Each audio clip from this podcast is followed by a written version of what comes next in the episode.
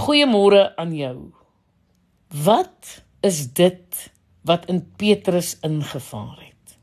Want kyk, 7 weke gelede het hy weggekruip as gevolg van Jesus. En nou verkondig hy Jesus se dood.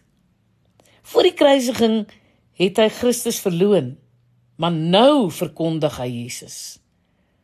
Die aand van Goeie Vrydag wou hy nie 'n woord sê nie.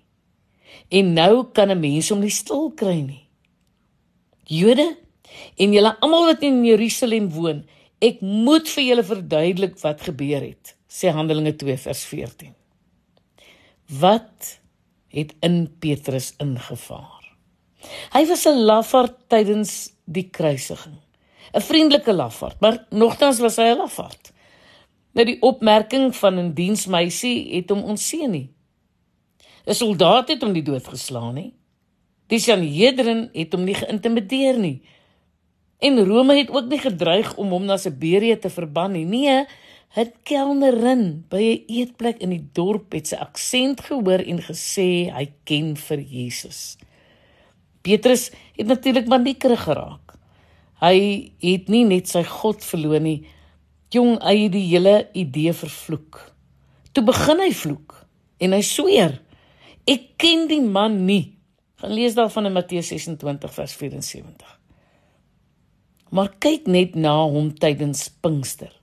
Waar hy nou aan 'n skare van duisende verkondig: "Die hele Israel moet nou vas en seker weet God het hierdie Jesus wat julle gekruisig het Here en Christus gemaak. Handelinge 2:36.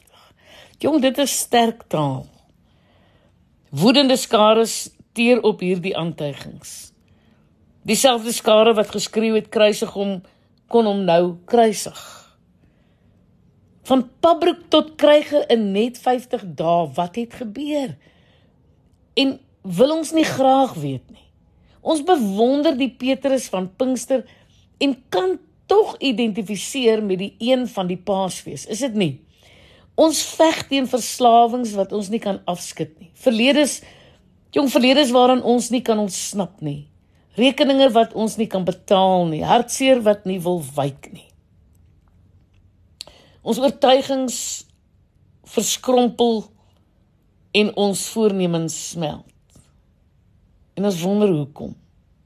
Ons kyk na ander gelowiges en vra waarom is haar lewe so geseënd en myne so so bar?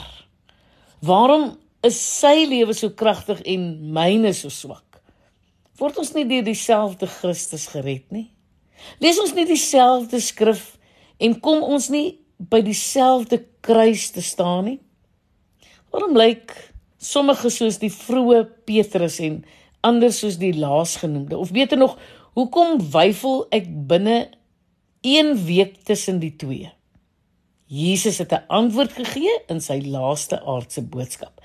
Hy het vir Petrus en die ander volgelinge gesê: Moenie van Jerusalem af weggaan nie, maar bly wag op die gawe wat die Vader beloof het, soos julle van my gehoor het. Johannes het wel met water gedoop, maar julle sal binne 'n paar dae met die Heilige Gees gedoop word. Handelinge 1 vers 4 en 5. So wat het in Petrus ingevaar? God se Gees het in hom ingevaar.